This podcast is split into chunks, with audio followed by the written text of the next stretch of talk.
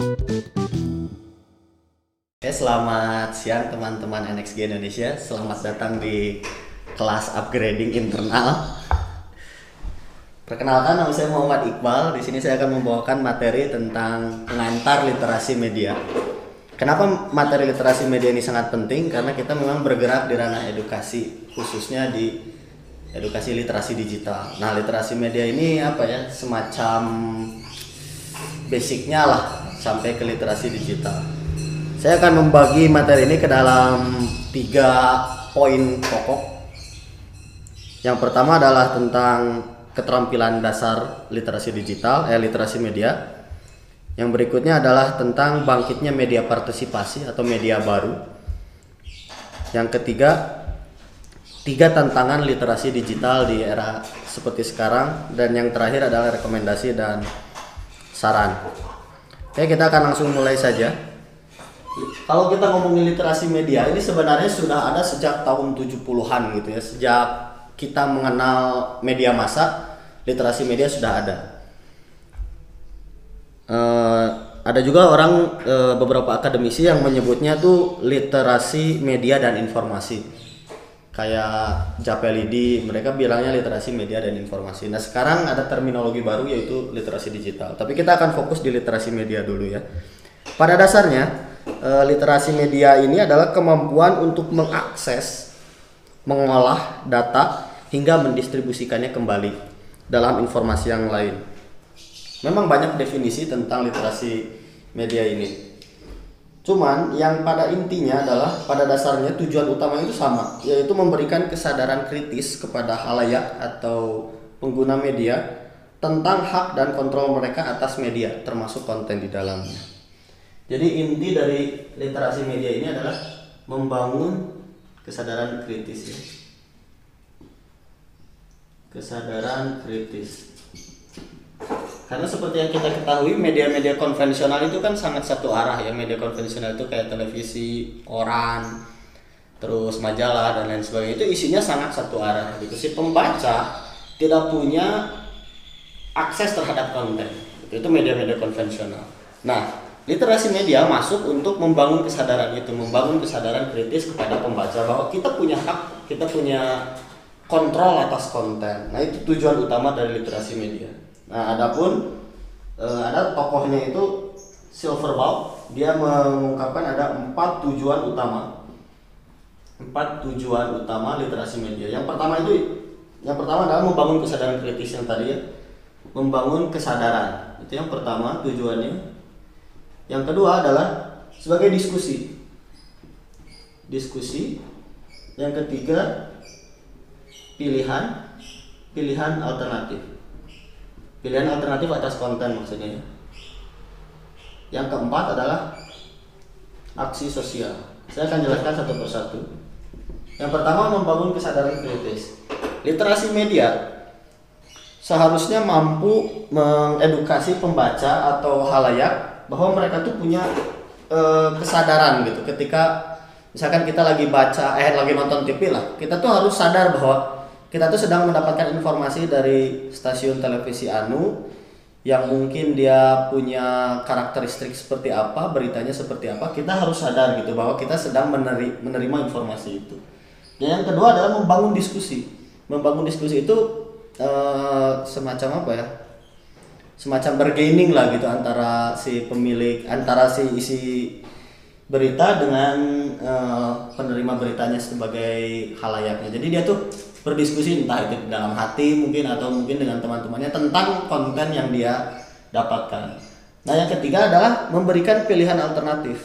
Nah, literasi media menjembatani kita untuk mencari pilihan-pilihan alternatif. Jadi apa ya kalau kalau nonton berita itu nggak dari satu televisi lah gitu bahwa banyak kok eh, media-media lain dengan berita yang sama tapi dengan cara sudut pandang yang berbeda gitu nah itu yang ketiga memberikan pilihan alternatif. Dan yang keempat adalah memberikan aksi sosial gitu. Jadi sangat wajar ketika pegiat-pegiat literasi media itu melakukan aksi sosial baik itu pendekatannya pendidikan maupun aksi-aksi kayak pemboikotan misalkan. Nah itu tuh buah dari literasi media sebenarnya. Jadi eh, kalau ada apa ya kalau ada organisasi yang ngomongin bahwa kita eh, gerakan literasi media tetapi tidak ada aksi sosial apa apa berarti gagal literasi medianya gitu kan. Jadi Kritis gitu. tidak kritis harus menelurkan eh, aksi-aksi sosial entah itu dalam bentuk pendidikan misalkan ya ke sekolah-sekolah atau misalkan ke masyarakat memberikan pendidikan tentang media atau aksi-aksi lain misalkan yang ekstrimnya ya pemboikotan misalkan atau apa gitu. Itu tiga tujuan utama dari literasi media ini Empat. ya empat empat tujuan ya. Kesadaran. kesadaran eh, terus membuka ruang-ruang diskusi.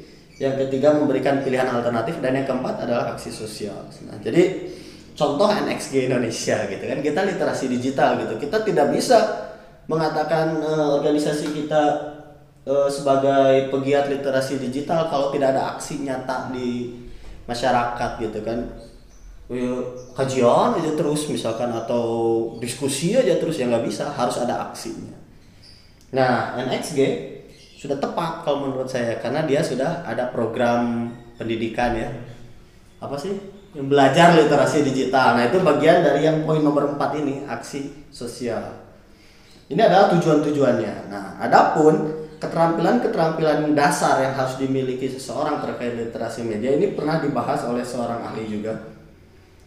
Dia namanya James Porter dia menelurkan tujuh keterampilan dasar atau tujuh skill utama yang harus dimiliki agar kita terliterate media. Nah, kenapa sih kita harus terliterasi gitu soal media? Karena media itu punya power yang sangat kuat. Nih, dengan kata lain, literasi media ini memungkinkan kita selaku individu untuk mengolah informasi dan pesan agar bermanfaat bagi diri kita maupun masyarakat. Tanpa kemampuan literasi media, individu atau lebih jauh lagi opini publik itu dapat tergiring dengan mudah kepada opini-opini atau kepentingan golongan dengan maksud tertentu, baik yang sistematis maupun yang spontan gitu. Jadi kemampuan literasi digital atau literasi media sangat diperlukan agar apa? Agar kita tidak mudah tergiring oleh opini-opini tertentu gitu. Itu tujuan utamanya. Dan keterampilan-keterampilannya adalah ada tujuh keterampilan utama kalau kata si James Porter itu. Kita akan bahas satu persatu ya.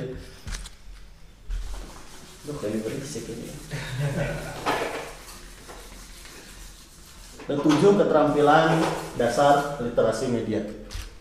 Oke, keterampilan. Kalau tadi kan tujuan, kalau ini keterampilan. Ini tatarannya praktis. Yang pertama adalah kemampuan analisis. Analisis. Yang kedua adalah evaluasi. Yang ketiga pengelompokan atau grouping. Pengelompokan. Yang keempat induksi. Yang kelima deduksi. Nanti kita akan bahas satu persatu. Yang keenam sintetis alias pengambilan keputusan. Yang ketujuh adalah abstraksi. Nah ini kalau menurut James Porter itu keterampilan dasar literasi media. James Porter. Yang, pertama kita akan bahas satu persatu. Yang pertama adalah analisis.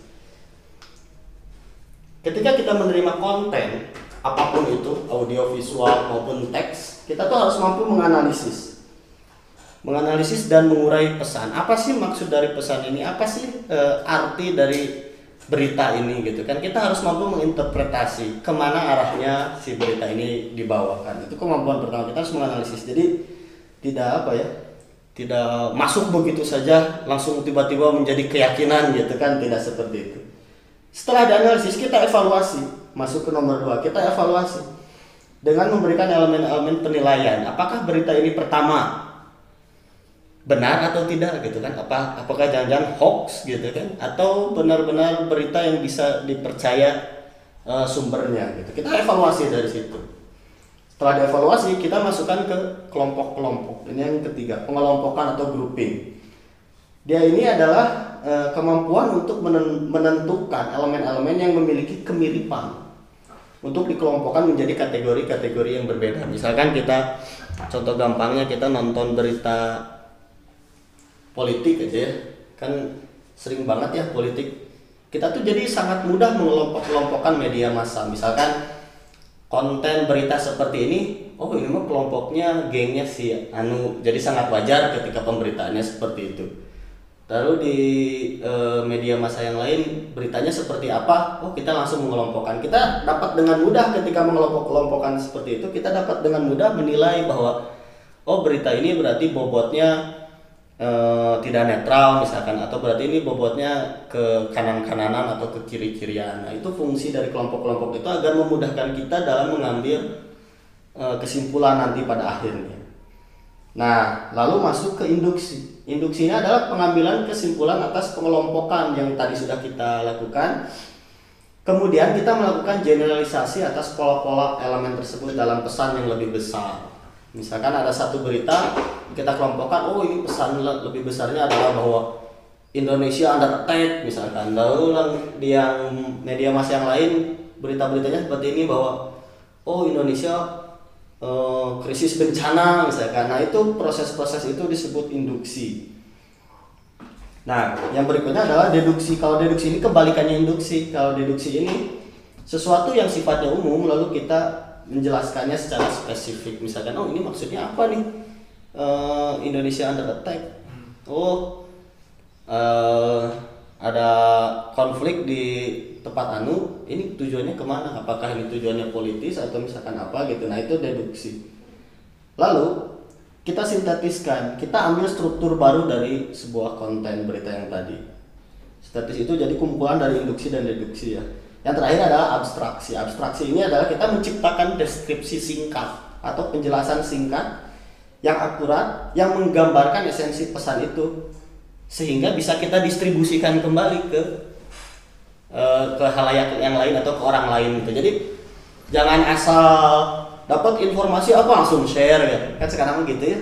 Dapat informasi apa share, dapat informasi apa share. Harusnya enggak harusnya kalau dia punya kemampuan literasi media yang baik dia akan melalui proses-proses ini. Bisa jadi informasi itu sudah sudah gagal masuk ke tahap evaluasi oh ternyata ini mah hoax ya udah masih dikembalikan. Atau misalkan e, masuk ke poin nomor tiga dapat informasi oh pengelompokan. Berarti ini eh, berita-berita yang mengandung unsur agama misalkan. Nanti larinya di abstraksinya ketika kita mendelivernya lagi ya kita deliver ke komunitas-komunitas terkait. Seperti itu. Jadi nanti si berita ini tidak akan menciptakan apa ya tidak akan menciptakan huru hara gitulah jadi eh, kasus-kasus sensitif misalkan disebar di publik yang lebih luas kan nggak kayak gitu. Misalkan ya kayak contoh kasus apa ya yang sensitif ya. Ya misalkan ada bentrok lah gitu konflik uh, antar suku misalkan ya. Seperti itu kan tidak perlu kita sebarkan di yang apa ya, yang luas gitu kan. Hanya kalangan-kalangan tertentu saja. Nah ini tujuh keterampilan dasar literasi media. James Porter. Seperti itu. Nah jadi si literasi media itu ternyata ada keterampilan-keterampilannya gitu. Ada apa ya? Kayak semacam teknik-tekniknya gitu untuk supaya seseorang bisa terliterate media. Seperti itu itu ya tentang e, keterampilan dasar literasi media ini akarnya literasi digital. Literasi keterampilan itu harus dimiliki oleh si individu, individu ya, uh, bukan si medianya Bukan, kan literasi media ini si uh, apa ya subjek bukan subjek ya apa oh. Ya subjeknya itu uh, halayak. Hmm. literasi media itu senjatanya halayak gitu. Awalnya kan seperti itu gitu. Dulu kan metode eh media-media konvensional kan masih satu arah. Jadi gimana nih supaya si halayak itu berdaya gitu menghadapi gempuran informasi dari media massa? Salah satu alatnya adalah dengan literasi media bahwa masyarakat harus belajar juga tentang bagaimana menghadapi media melalui literasi media. Itu tujuan utamanya kan tadi membangun kesadaran kritis pembaca gitu. Jadi kalau si media masanya mah mungkin ya bodoh amat gitu dengan informasi yang dia dap, dia sebarkan yang penting tujuan mereka tercapai misalnya. Ya entah apa pun itu tujuannya gitu.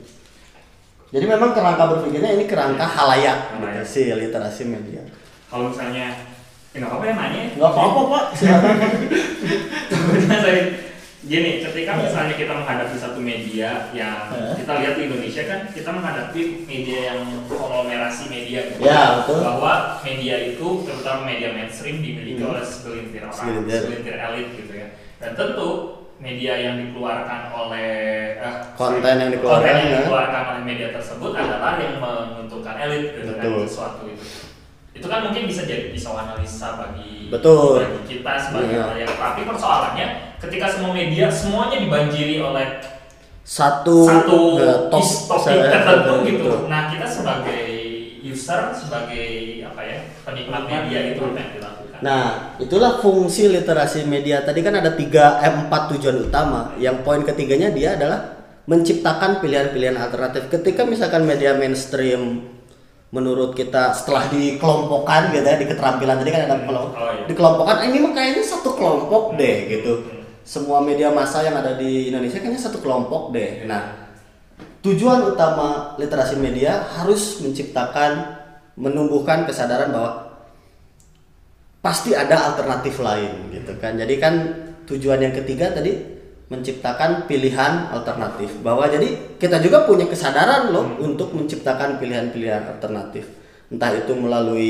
media alternatif yang tidak termasuk ke dalam kelompok Ya. yang mainstream atau kita menciptakan media atau kita yang menciptakan pilihan-pilihan alternatif itu melalui apa? Melalui media-media baru yang akan kita bahas di poin kedua gitu. Seperti itu.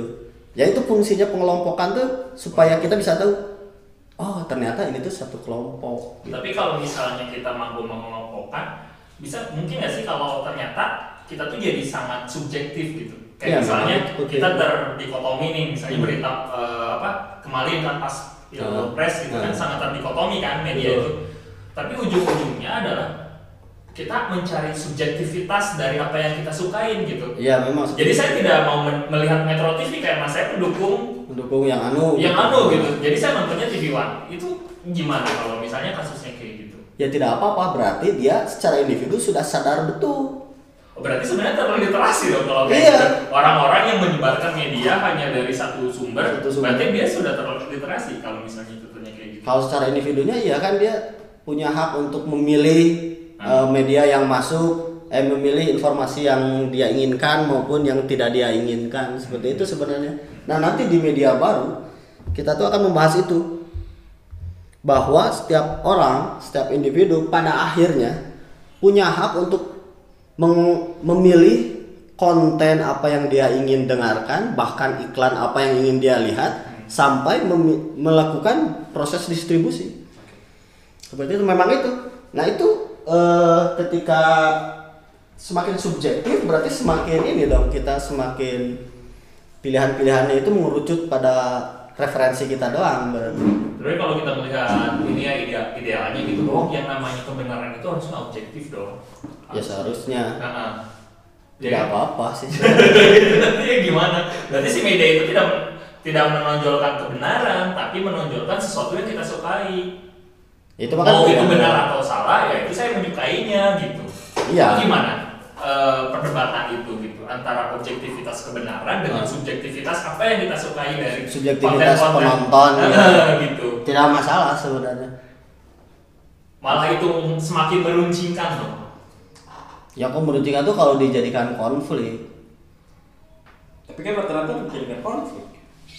Nah, Dan media mainstream mainstream Nah. itu, media mainstream itu menggoreng itu jadi tadi jadi dikotomi, jadi konflik, jadi Nah, apa. fungsi literasi media itu seperti itu. Kita harus mampu menangkap, menganalisis, mengevaluasi bahwa ini larinya ke mana loh. Oh ternyata ini dia agendanya konflik nih. Berarti saya tidak tidak akan tidak akan mendistribusikan itu kembali. Di Yang eh, keterampilan nomor 7 abstraksi da- eh, sintetis dan abstraksinya ya kita eh, rangkai kembali si berita itu menjadi sesuatu struktur yang baru yang tanpa harus eh, mengkonflik-konflik seperti itu. Hmm.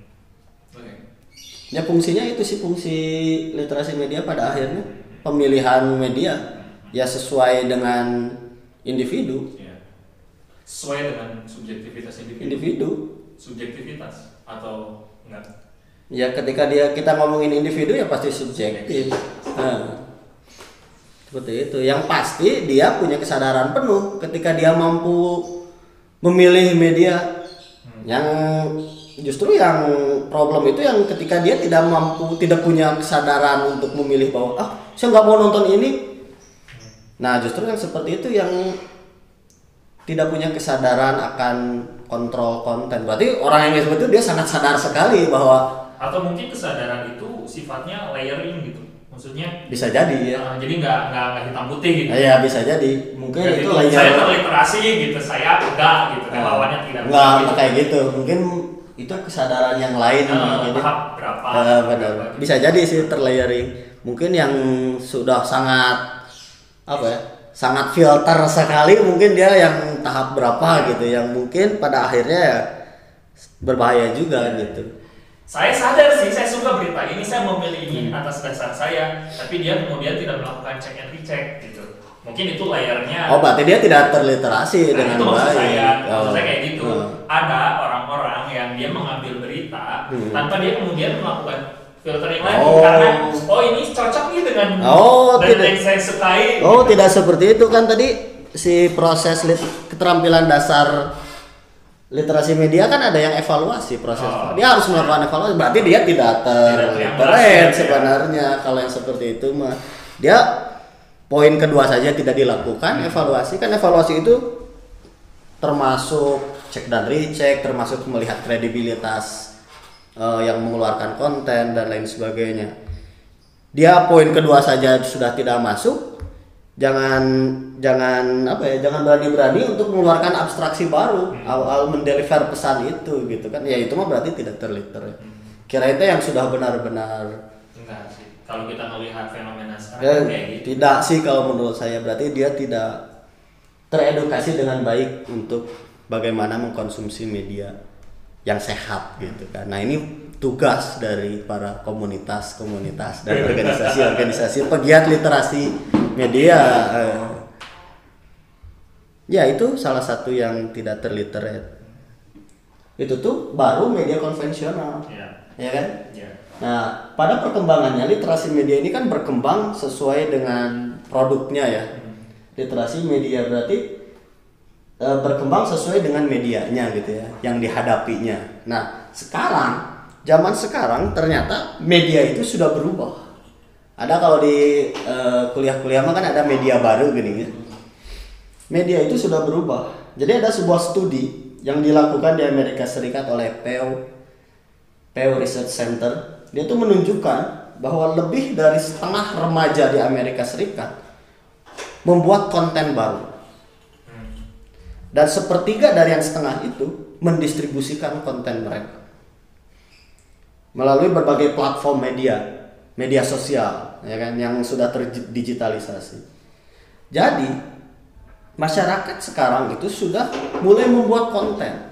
Kalau dulu si konten ini mainannya para eh, industri media ya maksudnya kayak televisi kan. Emang kita bisa membuat konten mata program gitu kan program televisi atau kita bikin rubrik baru misalkan di Tempo yang isinya kita gitu kan. Kan nggak kayak gitu dulu mah. Nah sekarang sekarang tuh ada budaya baru ada budaya baru seiring berkembangnya teknologi namanya itu dikasih nama participatory culture Nah, budaya baru yang sedang berkembang ini menciptakan apa? Menciptakan media-media baru.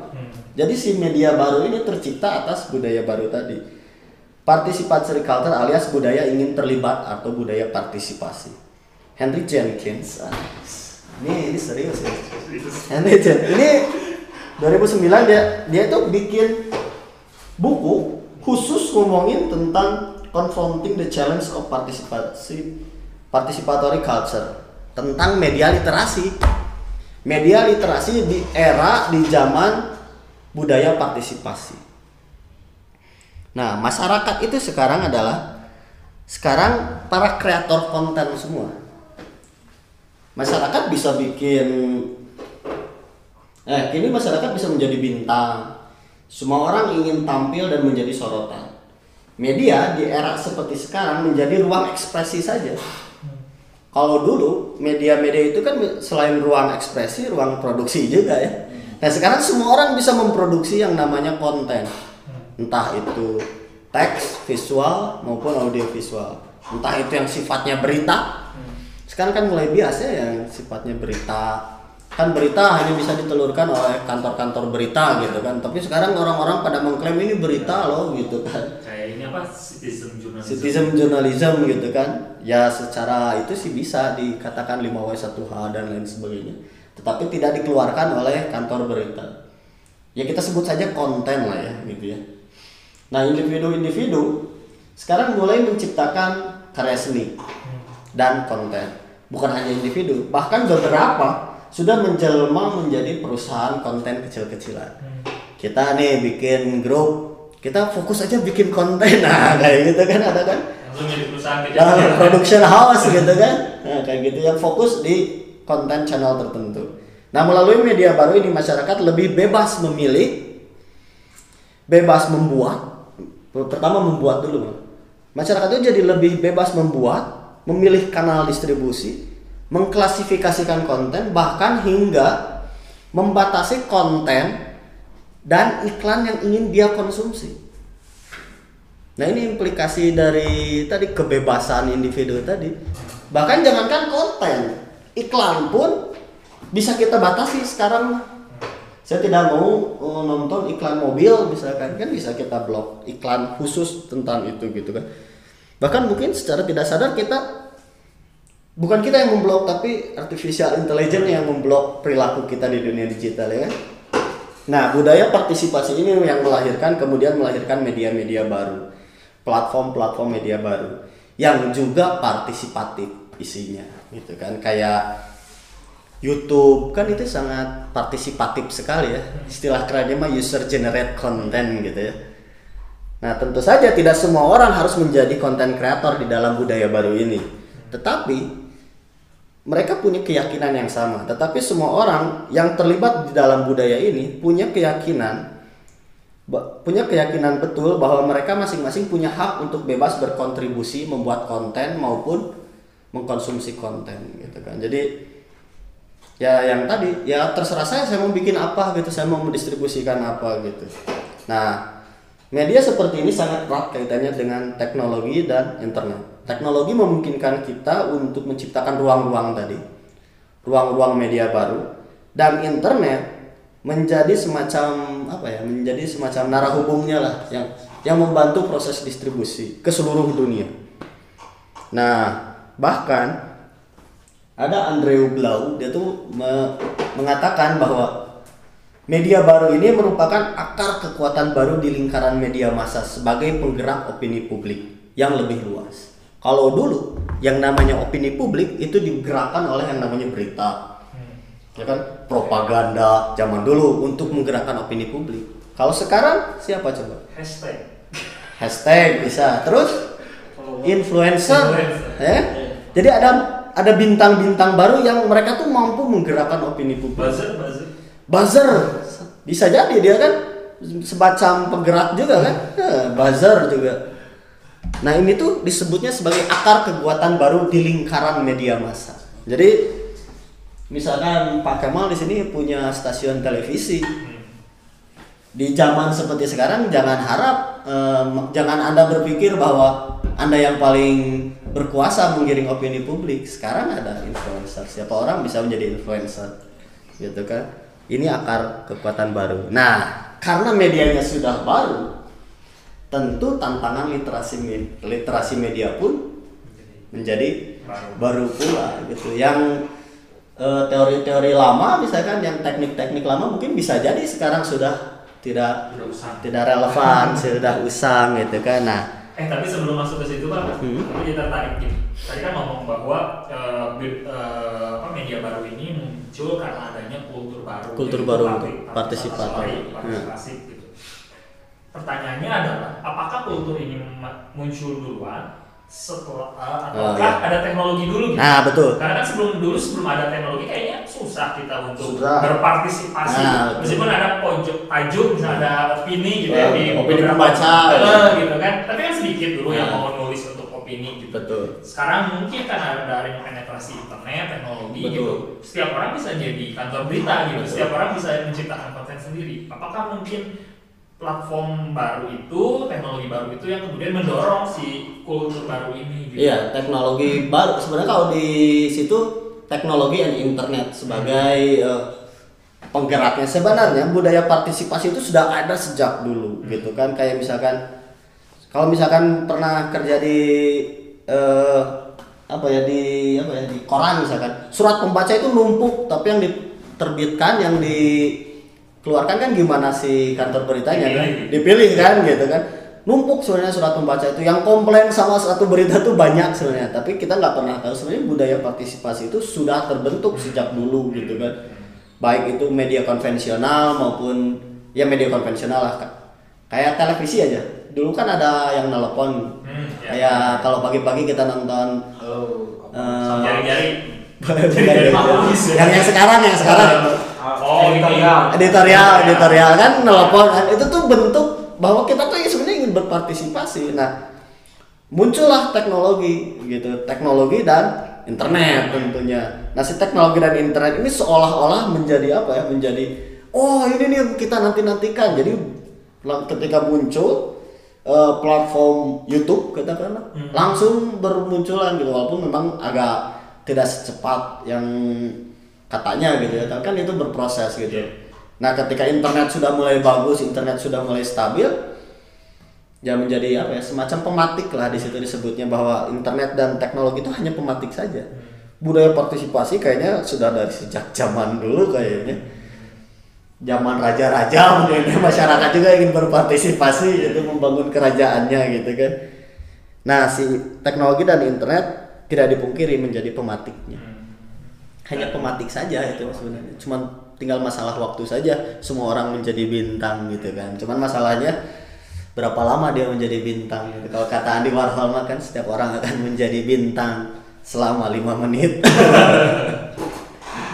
Ya seperti itulah. Budaya baru nah si media barunya tuh memang tercipta dari budaya itu sih. Kayaknya si kayak YouTube terus TikTok itu mah hanya produk-produk budayanya saja gitu Terus aku pernah baca di beberapa artikel gitu Hmm. ya, bahwa si media baru ini muncul karena kejenuhan orang Ya, salah satunya itu. Ah, terhadap media Media massa, mainstream, gitu betul. kan, media mainstream. Nah. Akhirnya karena mereka udah nggak percaya lagi nih sama media mainstream, ya Nah. udahlah aku bikin informasi ya kecil-kecilan Hmm. mungkin dia cuma bikin status gitu tapi akhirnya dia bikin apa bikin kanal berita sendiri Kanal berita sendiri. misalnya islam.com misalnya gitu ya atau Iya, betul. apa gitu kayak eh, FRC gitu kan tiba-tiba Iya. bikin pesanan nusantara gitu kan bikin sendiri gitu kan Nah, ya memang karena muncul kritis juga sebenarnya Iya.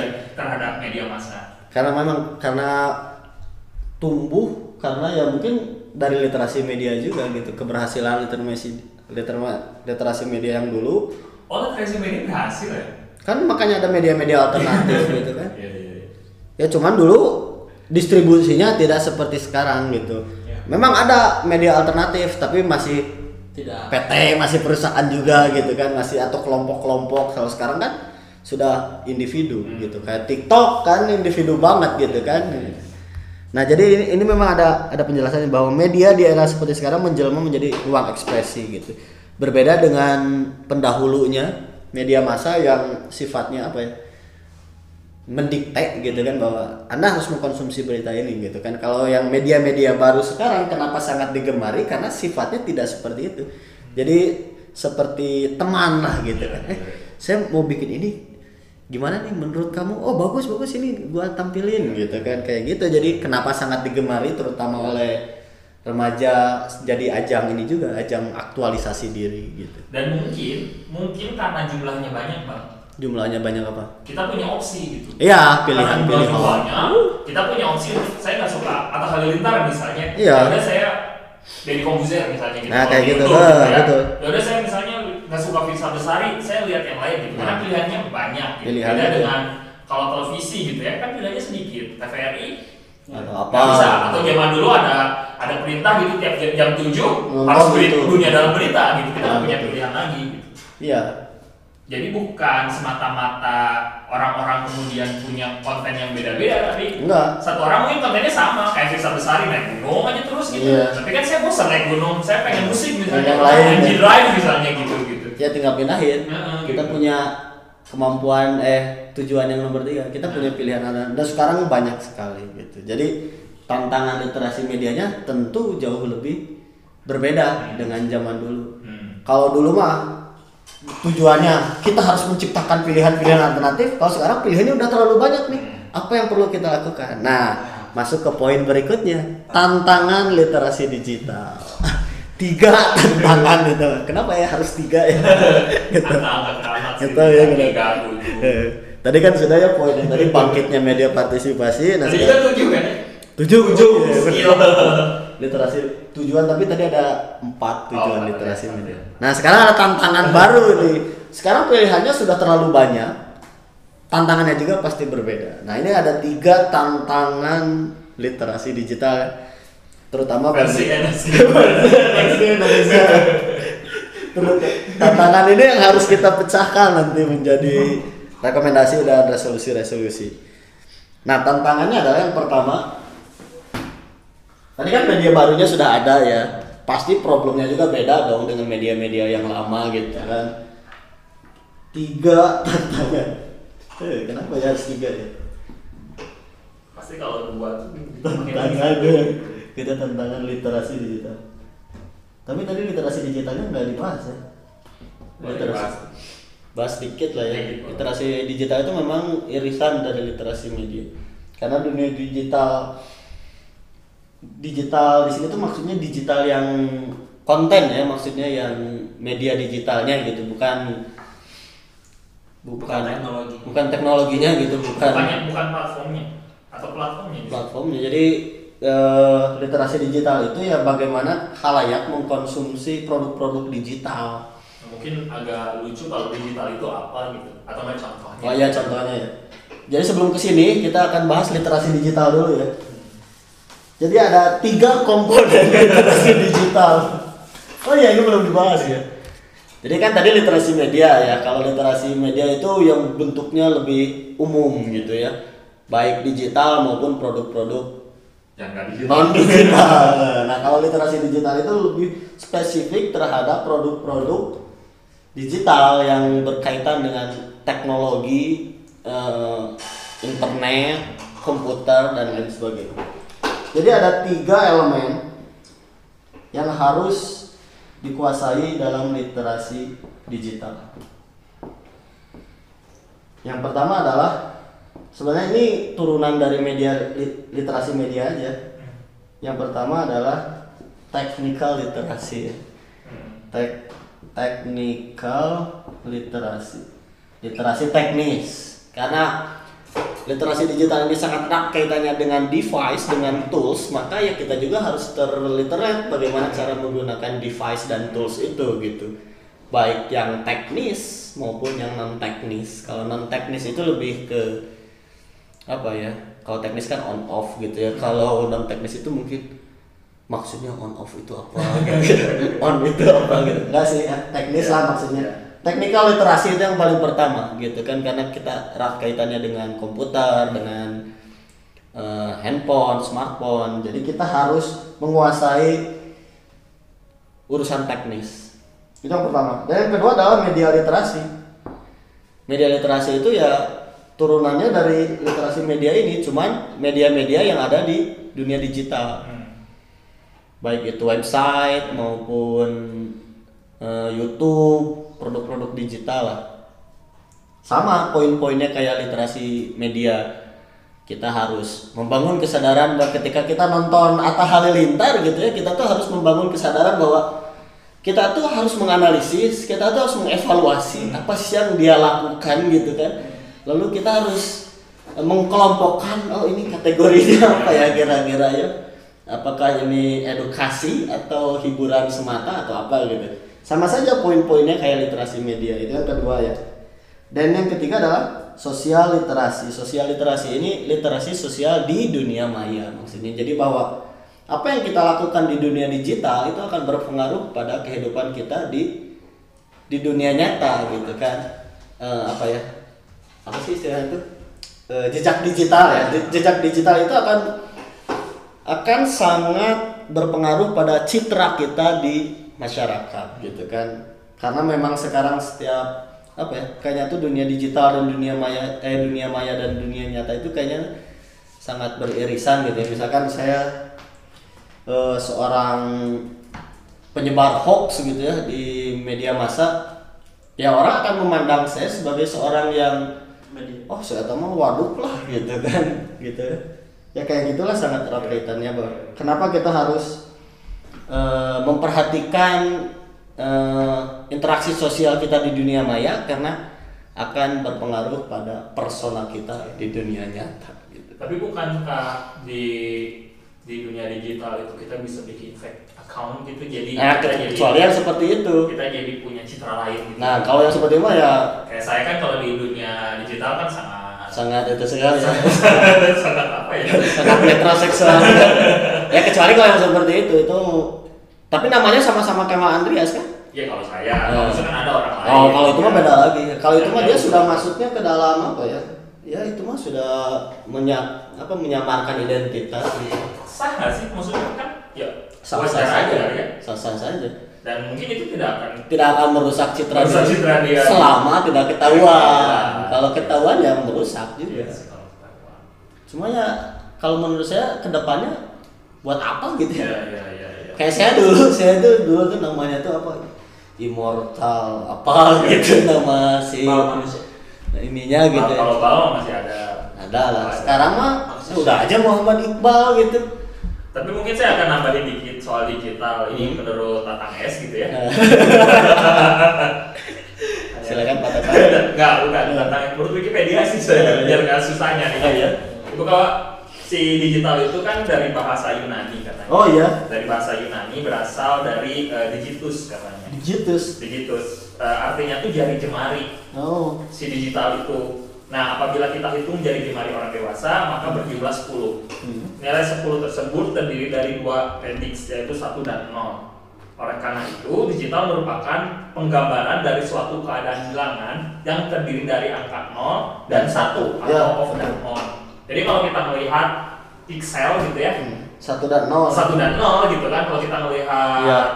ukur eh, kita lihat zoom zoom zoom gitu kan, pixel itu kan 1 dan 0 terdiri dari itu. Kemudian membangun satu visual, Hmm. jadilah yang Nah. sekarang kalau zaman dulu kan gak kayak sekarang kan bentuk digital benar. karena semakin berkembang pixel pixelnya semakin banyak rapat. jadi membentuk Atta Halilintar secara utuh misalnya gitu jadi Jadi anda penggemar Atta Halilintar ya? Tadi saya juga sebut beberapa kali soalnya. Karena saya ngikutin anda. Contohnya dari Enggak, dia kan king of oh ya betul oh ya betul ya jadi ya Ya. jadi sangat wajar ketika kita karena dia top kalau kan. kalau main gitu Top kayak main. kalau ngomongin youtuber kayaknya. Atta. Halilintar gitu. siap siap. Jadi mungkin itu eh, teknologi itu yang yang dimaksud dengan digital. Digital itu ya betul ya. Nol dan satu ya, kumpulan dari Kumpulan. Ya bytes gitulah gitu. Betul terima kasih itu ya. Ya, itu kata eh, Tatang S. Kata Tatang terima kasih Pak Tatang. Tambahannya ya itu ya. Itu definisi digitalnya ya, gitu. gitu. supaya kita nggak bingung apa sih yang digital? Apa sih yang disebut digital ya? Yang nol dan satu gitu nah, ya. nol dan satu. Contohnya kayak komputer. Digitus ya. Ya kan, komputer monitor itu kan digital. Digital. sesuatu yang ada monitornya itu pasti digital. Sip. Hologram digital nol dan satu mungkin nanti ke depannya membangunnya kan dari nol dan satu itu dari ya dan tidak gitu ya. Oke itu ya literasi digital sepintas saja. Tadi itu kita tuh mau masuk materi yang mana ya? Oh ya tiga tantangan. Kalau tadi ada tiga komponen literasi digital sekarang ada tiga Tiga lagi. tantangan literasi digital ya. Entah kenapa harus tiga ya. Trimurti Tritunggal Trikora iya trinitas Trinitas tantangan literasi digital. Nah, kenapa ada tantangan? Karena eh, medianya sudah baru, budaya masyarakatnya pun sudah agak berubah gitu kan. Jadi pasti ada tantangan-tantangan baru. Yang pertama adalah gap partisipasi, participatory gap. Oke. Participatory gap. Yang kedua adalah transparansi problem. Problem transparansi. Problem transparansi. Dan yang ketiga adalah etik challenge tantangan etika. Tantangan etika nah kita bisa melihat bahwa tantangan itu sekarang sudah bukan apa ya sudah bukan industri oriented gitu. Kalau dulu mah pas literasi media tantangannya adalah bagaimana kita menghadapi konglomerasi media gitu kan ya. Jadi si musuh bersamanya tuh satu si media massa gitu kan. Seolah-olah seperti itu. Nah di dunia literasi digital sekarang yang medianya itu sangat partisipatif sangat partisipatori. Tantangannya sudah semakin eh, apa ya dua arah. Bukan hanya dari media massa selaku pemangku kepentingan konten tapi individunya juga. Selaku yang konten generate selaku eh, individu-individu yang mengeluarkan konten. Tantangan yang pertama adalah participatory gap. Kita akan bahas. Maksudnya adalah adanya gap eh, partisipasi di teknologi ini gitu. Nah unequal access to opportunity gitu. Jadi tantangannya itu adalah eh, tidak semua orang memiliki hak partisipasi yang sama. Tantangannya itu sekarang seperti itu. Misalnya seperti ini. Eh, katakanlah eh, YouTube misalkan ya. Tidak semua orang punya hak yang sama untuk mengakses YouTube. Untuk menjadi bintang di YouTube gitu. Iya.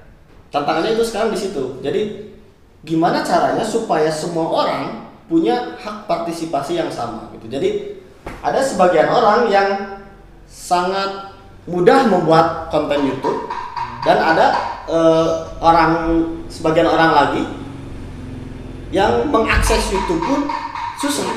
Seperti itu gitu kan. Jangankan untuk menjadi seorang youtuber. Mengakses YouTube pun dia masih terbata-bata gitu kan. Oh jadi sekarang bukan hanya baca tulis yang terbata-bata ya koneksi juga terbata-bata. Untuk apa emang internet cepat? iya. Iya maksudnya itu ya pemerataan akses partisipasi. Jadi bukan hanya akses tapi partisipasi juga gitu kan. Jadi tidak semua orang mampu berpartisipasi dalam media baru ini gitu kan. Itu eh, tantangan pertama. Nah bagaimana caranya kita supaya eh, semua orang punya hak yang sama terhadap eh, partisipasi dalam media baru ini? Nah ini nih. Tidak tidak eh, unequal itu apa ya? Tidak Tidak sama. tidak sama ya? Tidak setara. tidak setara. Nah, tidak semua orang setara dalam mengakses opportunity peluang experience eh, pengalaman skill dan knowledge tentang prepare ya tentang bagaimana menciptakan konten-konten baru di dalam media ini.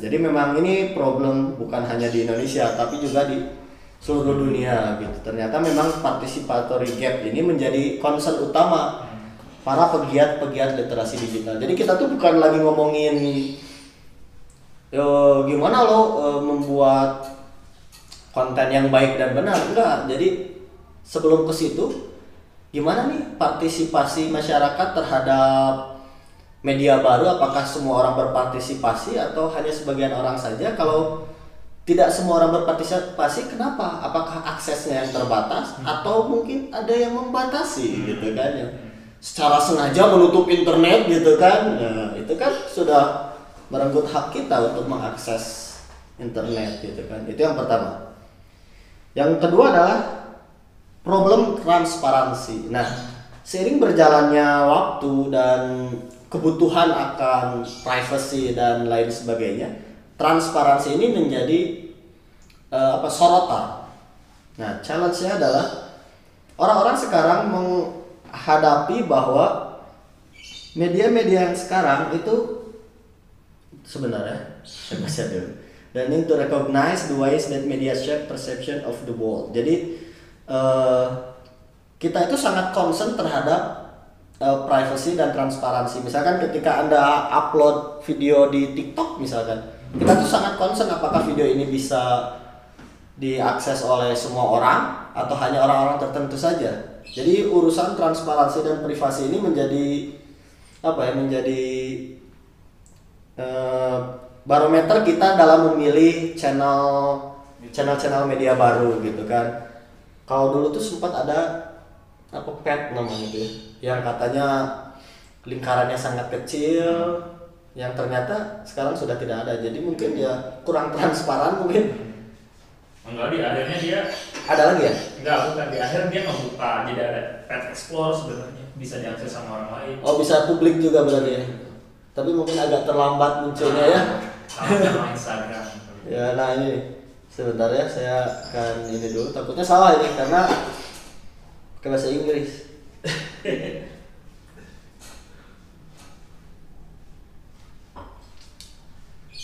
Masalah transparansi ya. Jadi itu orang-orang sekarang tuh sangat concern terhadap yang namanya transparansi. Ke mana konten mereka didistribusikan, di di mana eh, file-file mereka disimpan. Misalkan kita kita kan menyimpan file di katakanlah cloud ya di Google Drive karena kita tahu bahwa menyimpan di situ aman gitu kan dan si Google selaku penyedia layanan cloud sangat transparan terhadap eh, layanan-layanannya gitu kan bahwa Bukan karena aman sih, karena gratis kali. oh karena gratis ya oh, gratis ya Saya nggak tahu itu aman atau oh iya betul. iya karena gratis juga ya salah satunya mungkin beberapa Dan mungkin itu yang jadi problem. Hmm. Karena itu Gratis. sesuatu gratis, mungkin itu kita nggak tahu apakah itu diakses atau nggak sama Google. ya tapi atau si gimana. Cloudnya ada di sana. mega upload itu gratis juga Tapi nggak sama. tapi kita nggak tahu ya nggak tahu. Marketingnya. marketingnya. Iya, bener. ya itu sih ya maksudnya kita mungkin bagi kita ya karena gratis tapi mungkin bagi beberapa orang mereka sudah mulai mempertimbangkan urusan privasi keamanan Ya, dan ya. lain sebagainya gitu ya Kayak misalnya gini, si WhatsApp mengklaim bahwa dia punya inskripsi gitu kan. oh khusus khusus gitu kan berlapis-lapis tapi kan kita nggak tahu juga Iya. apakah betul betul gitu. oke misalnya kalau aku nggak bisa akses punya ada ada ada statement uh, WhatsApp terdahulunya kalau WhatsApp sebenarnya tidak ter, uh, tidak ter Iya, ini, iya kayak gitu. Maksudnya, oke, sama aku nggak bisa diakses, tapi mungkin sama yang punya WhatsApp ini nggak bisa diakses. ya seperti itu Kayak kasus-kasus yang Facebook Cambridge, Facebook, Cambridge yang Institute, penyalahgunaan, nah, yang di Amerika itu kan sama juga itu kan masalah transparansi kan. Oh iya tapi kalau di sini itu memang problemnya bukan gratis gratisan sih sebenarnya Ya, itu masalah Iya. privacy Iya, dan privacy. Ya, transparansi maksudnya alasan kenapa saya menggunakan Google bukan persoalan apakah itu gratis atau enggak, tapi karena itu gratis, makanya saya pakai Google Drive. Betul. Tapi isu ini memang perlu diperhatikan juga.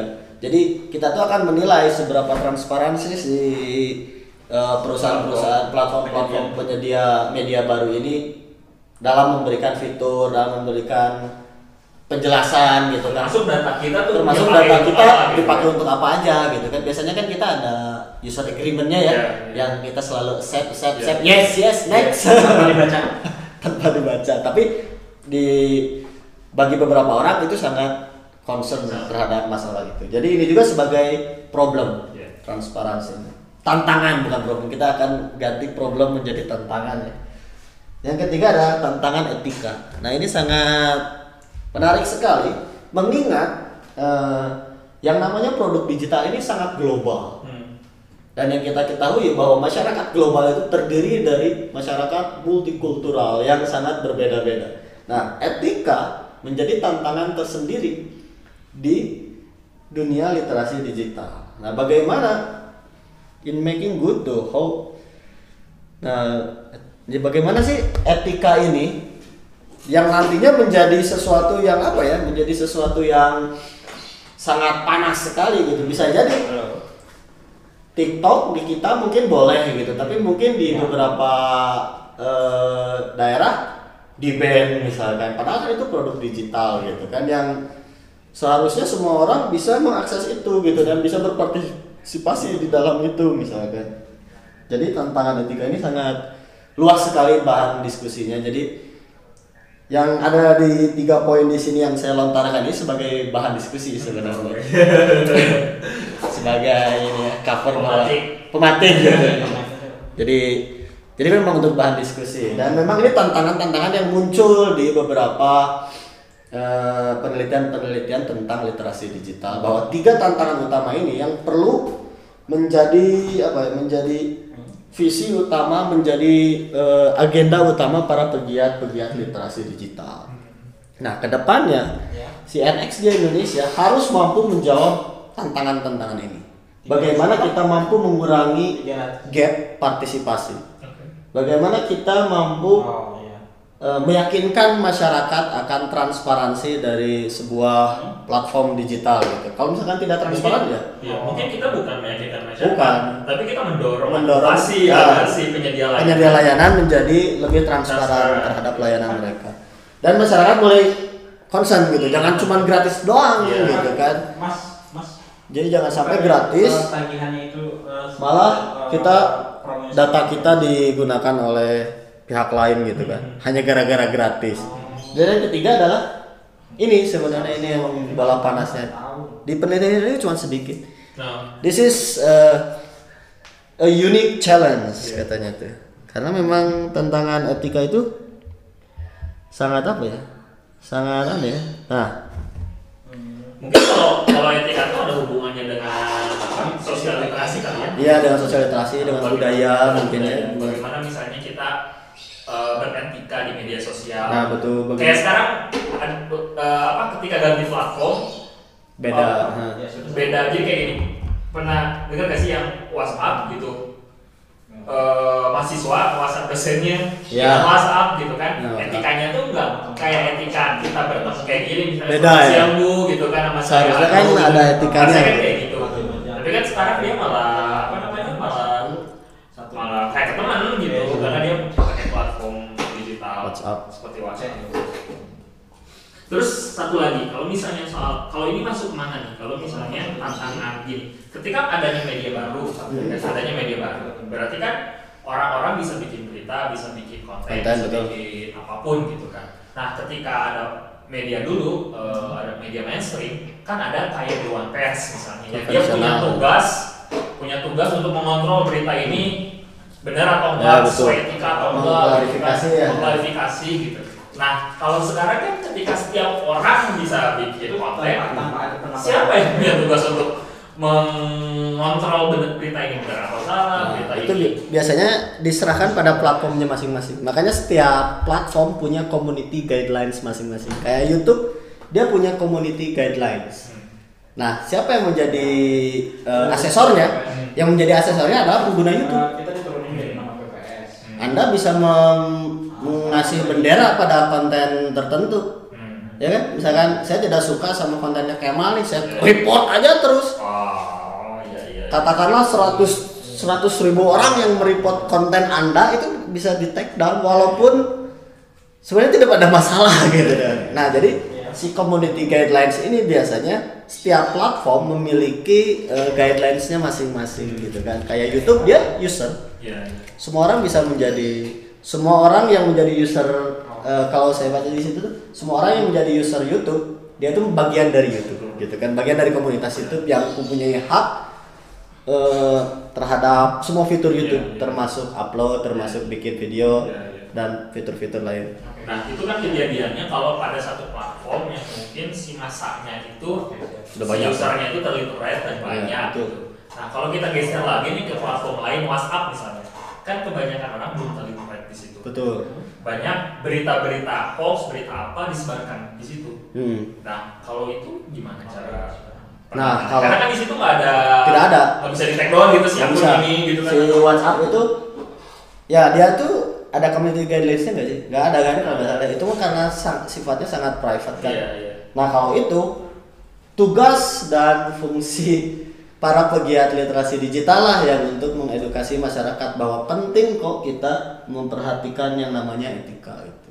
Iya, iya, iya. Jadi ya menjadi apa ya tidak ada gitu dewan khusus WhatsApp nggak ada. Sekarang itu semua orang punya hak untuk menjadi asesornya masing-masing gitu mas. untuk kirim broadcast sendiri gitu Oh. kan yang kayak misalnya tolong sebarkan kalau tidak Nah. bla bla bla bla gitu kan Kalau tidak ya kayak gitu lah. Nah, gitu Nah untuk platform-platform tertentu biasanya ada community guidelines. Hmm. kayak YouTube, TikTok. TikTok kan nggak boleh ada telanjang misalkan kan itu kan ada community guidelines-nya. Dan itu disepakati Hmm. baik disepakati sih pasti. Soalnya ada user agreementnya kan. Uh, I agree to community guidelines TikTok bla. Uh, Iya, iya. langsung aja disetujui gitu. Dan seharusnya secara sadar itu menyetujuinya gitu kan. Kayak YouTube kayak gitu. Kalau TikTok saya- eh WhatsApp dan Telegram saya rasa kalau Telegram ada. Konten pornografi nggak bisa di kalau secara private mungkin bisa tapi tidak ada grup Telegram yang pornografi kalau nggak salah. Di take down Oh di Telegram kalau WhatsApp Tapi link-link masih ada kan? Kalau link nggak ada lagi kayaknya. Pornografi gitu di Iya. Telegram. kayaknya kalau link mah susah juga ya Iya. karena teksnya dia ya Iya. Heeh. Duh, ya kayak gitu mah kembali lagi ke penggunaannya. Iya, iya. Karena mungkin kalau misal kita ngomongin soal literasi media atau bahkan lebih khusus digital, ada beberapa ini ya, maksudnya ada beberapa kemampuan yang itu bisa dilakukan secara sistemik gitu. Maksudnya oleh negara gitu. Oleh negara, aturan. Dan ada satu aturan yang memang itu mah private sifatnya gitu. Hmm. Bahwa kemampuan ini memang harus dilakukan oleh setiap pengguna gitu Hmm. untuk memilih Ya kayak tadi yang tujuh keterampilan dasar itu, Ah, itu gitu. mah sangat individu sekali. individu gitu. Kalau misalnya si individu itu nggak paham soal itu, ya mungkin saja dia menyebarkan konten-konten yang nggak bertanggung jawab gitu. Betul. Karena memang kalau kita balik lagi ke tujuan literasi media, itu sebenarnya semuanya itu memang eh, si aktor utamanya itu halayak. Hmm. masyarakat yang tadi kan membangun kesadaran, memberikan diskusi, Hmm. menciptakan ruang-ruang pilihan alternatif dan yang keempat menciptakan aksi sosial. Sebenarnya itu semua sangat sifatnya masyarakat itu, sangat sifatnya sivil sekali. Jadi Demokrasi bukan? ya demokrasi seperti itulah. Jadi si literasi media ataupun literasi digital tidak tidak apa ya? Tidak mengandalkan pemerintah sebenarnya Hmm. mau ada pemerintah yang mendukung literasi media maupun eh, literasi digital maupun tidak seharusnya literasi digital ini berjalan di masyarakat secara generik. Muncul secara muncul generik ya. secara generik kalau kita lihat sejarahnya literasi media dia itu hadir ketika media massa hadir Oh iya. ketika waktu itu eh, koran ada langsung langsung isu literasi media itu langsung muncul gitu bahwa dan tidak diciptakan oleh pemerintah jadi berbeda dengan sensorship ya Hmm. literasi ini jadi Hmm. kemampuan eh, literasi itu sangat berbeda dengan sensorship gitu kan kalau sensorship itu kan eh, yang menyensornya siapa paling badan gitu kan Iya. Banyak. ya maksudnya lembaga ya ya badan tangan gitu. Ya lembaga lah gitu. Segelintir orang lah sekelompok orang gitu. Kalau literasi ini sifatnya harus apa ya? Ya sivil gitu. Jadi Iya. tumbuh dari grassroots gitu kan. Genuine gitu. genuine lah gitu. Jadi walaupun eh, misalkan pemerintah memaksakan diri bahwa hanya ada satu platform media sosial yang boleh diakses oleh masyarakat Indonesia misalkan katakanlah eh, katakanlah Google mengakuisisi Indonesia katakanlah jadi semua tayangan televisi semuanya YouTube gitu Iya. kan. Tetap saja eh, kesadaran-kesadaran akan literasi digital itu pasti akan muncul gitu kan. Bahwa saya sadar saya sedang ditipu nih oleh siapa gitu. Dan saya harus menciptakan ruang diskusi. Ketika diskusi sudah sudah menghasilkan sesuatu pasti saya akan melahirkan pilihan-pilihan alternatif yang minimalnya untuk individu itu sendiri Kalau itu kan sesuatu yang sangat apa ya utopis gitu ya. Iya. Kita melihat bahwa isu-isu digital itu kita secara sadar bisa memilih satu konten A, konten B kembali ke masyarakat, ke rakyat gitu ya, kepada user gitu kan. Ya itu terserah kita gitu. Tapi ada satu hal yang menarik itu dalam diskusi ini. Ada bagaimana kejadiannya dengan algoritma. Hmm. Bagaimana kita diarahkan kepada satu satu satu isu tertentu, satu kesukaan tertentu yang dan itu meskipun saya nggak tahu ya meskipun itu scene gitu kan pakai uh, artificial intelligence bisa aja kan si Google atau siapa gitu mengarahkan kita Hmm, untuk gitu. untuk produk tertentu gitu kan itu gimana? Berarti kan sebenarnya dalam interface yang sangat besar ada tetap aja ada tetap saja ada pasti ada ya kayak gitu maksudnya peluang-peluang untuk eksploitasi pasti ya selalu ada gitu kan. Tinggal ya kitanya sendiri. Kayaknya sih kalau untuk algoritma itu ada diskusinya khusus. Jadi apakah kita yang mengatur algoritma atau kita yang diatur oleh algoritma gitu itu ada diskusinya tersendiri. Tapi kalau untuk kasus Google eh nggak ada kasus ya sebenarnya. Ya, maksudnya untuk contoh yang tadi dilontarkan oleh Pak Kemal mungkin itu kalau saya melihatnya terlalu berlebihan betul. Eh, kayaknya Google juga nggak nggak ke situ ke situ amat mungkin dia juga sudah mem, me- apa ya mempercayakan itu pada mesinnya gitu kan cuman ya bisa jadi itu terjadi ya maksudnya bisa aja bisa kan? jadi itu terjadi. ya peluang-peluang seperti itu kan selalu kayak ada kayak iklan gitu orang yang bayar Google lebih banyak gitu kan Hmm. dia akan masuk pada masuk deretan tertinggi Ah. gitu kan tiba-tiba di search engine-nya ada Ya, ini cuman gitu kan kalau di Google kan dia sangat memperhatikan transparansi. Ketika itu iklan dia akan state itu adalah sponsored ad gitu kan. Betul. Dia iklan tulisannya gitu kan. Jadi kita tahu oh ini mah iklan. Gitu. Itu eh, yang tadi yang transparansi itu. Dulu mah nggak kayak gitu. Dulu mah nggak ada nggak ada di tulisan. situ ya. Top aja langsung. Iya, iya. Nah karena mungkin desakan atau dan lain sebagainya, ini mah iklan gitu kan. Jadi ya si pihak Google dia mengakomodasi itu dengan tulisan iklan. bahkan sekarang pun ada desakan kalau itu kan untuk korporasi kayak gitu Ya. sekarang tuh ada desakan buat influencer Oh. kalau dia di endorse Betul dia ya. harus ngasih tahu Harus ngasih tahu. endorse gitu. bukan bukan Eh, jangan sok-sokan. gitu. Kalau aku sih nggak di endorse ya, Ya. nggak nggak ya harus ngasih tahu ya. Tahu. Nah kayak gitu, karena concern tadi tantangan transparansi. Iya, iya. Ya betul seperti itu. Itu saja mungkin ya yang bisa saya sampaikan sebelum eh, melebar jauh ya. Jadi tadi eh, tujuan utama saya akan review sedikit ya. Tujuan utama literasi media itu ada empat: membangun kesadaran, menciptakan ruang-ruang diskusi. Yang ketiga adalah memberikan pilihan-pilihan alternatif dan yang keempat harus menghasilkan sebuah aksi sosial. Jadi yang kita lakukan di sini belum bisa dikatakan kita sedang melakukan literasi media kalau kita tidak melakukan aksi sosial gitu kan di masyarakat. Baik itu dalam bentuk pendidikan, advokasi maupun bentuk-bentuk lain. Itu Itu kalau sosial kan kita dari kelompok sosial adalah keluarga. Nah, Kita sampaikan di keluarga, Keluarga, ya. aksi sosial. Ya, aksi sosial. Alhamdulillah ya. Itu tujuan utama dari literasi media. Keterampilannya ada tujuh, cuman keterampilan itu nanti akan berkembang seiring berjalannya waktu gitu. Itu yang keterampilan media eh literasi media yang konvensional yang tujuh itu sebenarnya.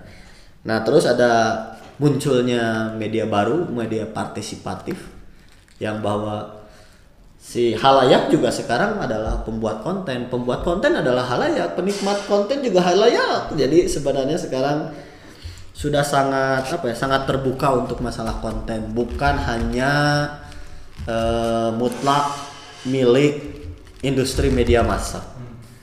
Munculnya itu berarti muncul pula tantangan-tantangan baru. Tantangan-tantangannya antara lain yang pertama adalah terjadi gap partisipasi di masyarakat mengenai akses mengenai bagaimana cara apa ya cara menggunakan eh, media digital dan lain sebagainya yang pertama gap partisipasi. Yang kedua adalah masalah transparansi yang ternyata sangat krusial. Kalau kita bahas lebih dalam ternyata memang selama ini kita mengabaikan masalah-masalah seperti itu ya. Yang ketiga adalah persoalan etika gitu. Yang ini juga sama sama-sama apa ya sama-sama menarik eh, pembahasan khusus kayaknya kalau yang untuk masalah etika. Karena mengingat produk digital itu produk yang sangat global dan masyarakat global terdiri dari masyarakat yang beragam kultur yang pastinya etikanya pun akan berbeda-beda. Dan ini menjadi tantangan tersendiri gitu. Itu tantangannya. Dan rekomendasi rekomendasi dan respon lembaga yang menurut saya yang perlu digarisbawahi adalah NSG harus mampu menjawab tantangan-tantangan ini dan menelurkan program-program yang tepat guna ketika dia terjun ke masyarakat seperti itu. Itu saja mungkin nanti makalah lebih detailnya akan saya kirimkan melalui grup. Terima kasih atas perhatiannya, atas diskusinya. Eh, sampai jumpa. Selamat siang. Waalaikumsalam. Waalaikumsalam.